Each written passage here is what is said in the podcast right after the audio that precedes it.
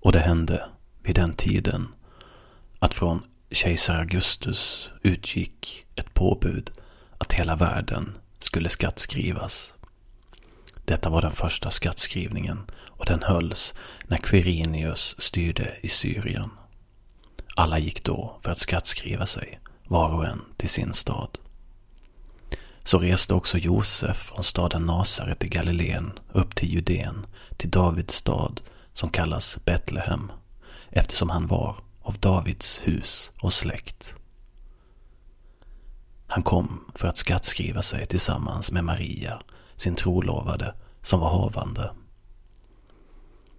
Medan de befann sig där var tiden inne för henne att föda och hon födde en son, den förstfödde. Hon lindade honom och lade honom i en krubba eftersom det inte fanns plats för dem i gästrummet.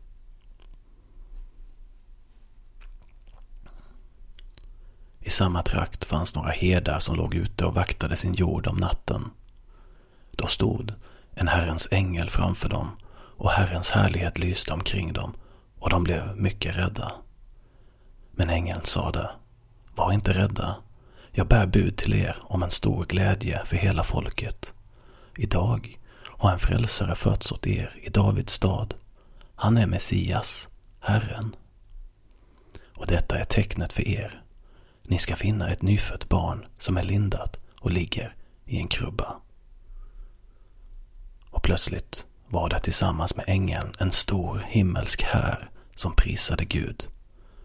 Ära åt Gud i höjden och frid på jorden bland människor som han älskar.